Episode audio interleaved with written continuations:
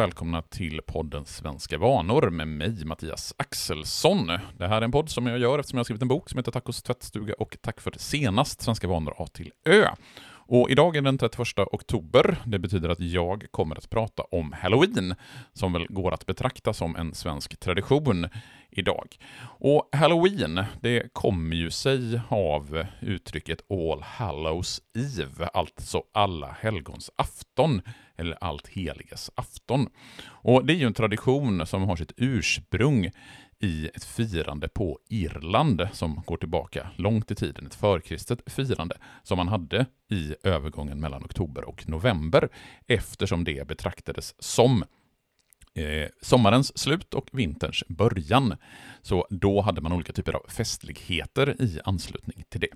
När irländare under 1800-talet en masse utvandrade till USA så tog man givetvis med sig sina traditioner, bland annat halloween. Och i USA så blandas det med redan existerande traditioner som Dias de la Muerta i Mexiko, Guy Fawkes Day som firas i början på november. Sen växer det här halloweenfirandet under slutet av 1800-talet. Pumpan kommer in som en symbol under 1800-talets andra hälft.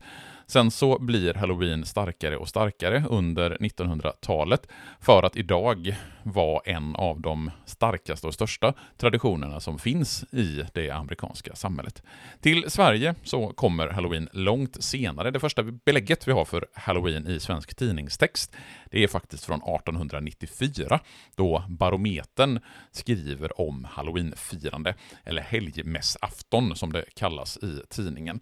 Det är dock inte om ett svenskt firande, utan det är att man beskriver det amerikanska firandet. Sen finns det spridda exempel under det fortsatta 1900-talet på till exempel Svenska Amerikanska Klubben som firar halloween och Högskolan i Stockholm har halloween-disco, eller Alla spökens dag som man kallar det, 1949.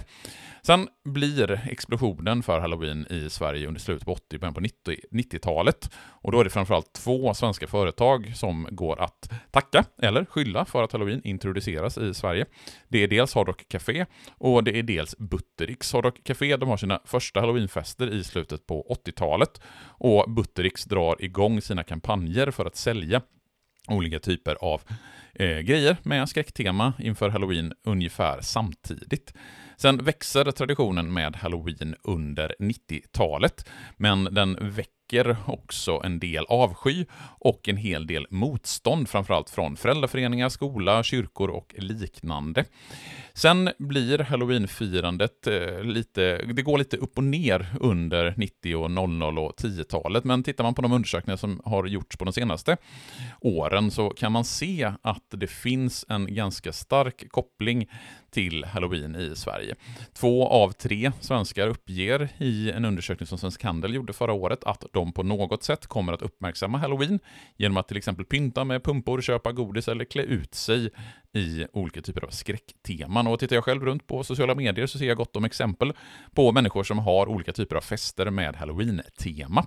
Dock så är ju den stora frågan varje år vilket datum som halloween faktiskt infaller i Sverige. För vi har ju lyckats dra ut på halloweenfirandet lite grann som vi gör med julfirandet, där många börjar fira jul redan i eh, november.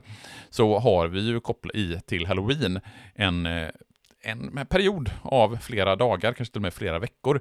Det egentliga halloween är ju 31 oktober, för det är då som är alla helgons afton. Allhelgonadagen är ju egentligen den 1 november. Problemet är att i Sverige sedan 1953 så firar vi alla helgons dag en lördag. Det är den lördag som infaller den 31 oktober, mellan den 31 oktober och den 6 november.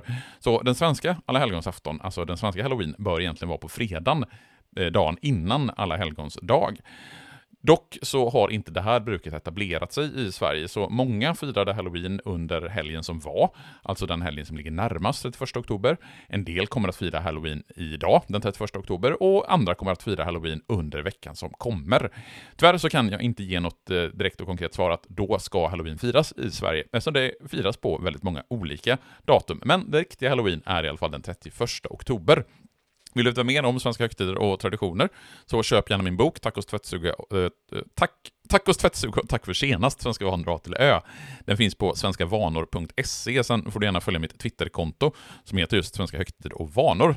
Får ni ha det så bra tills vi hörs nästa gång. Hej då!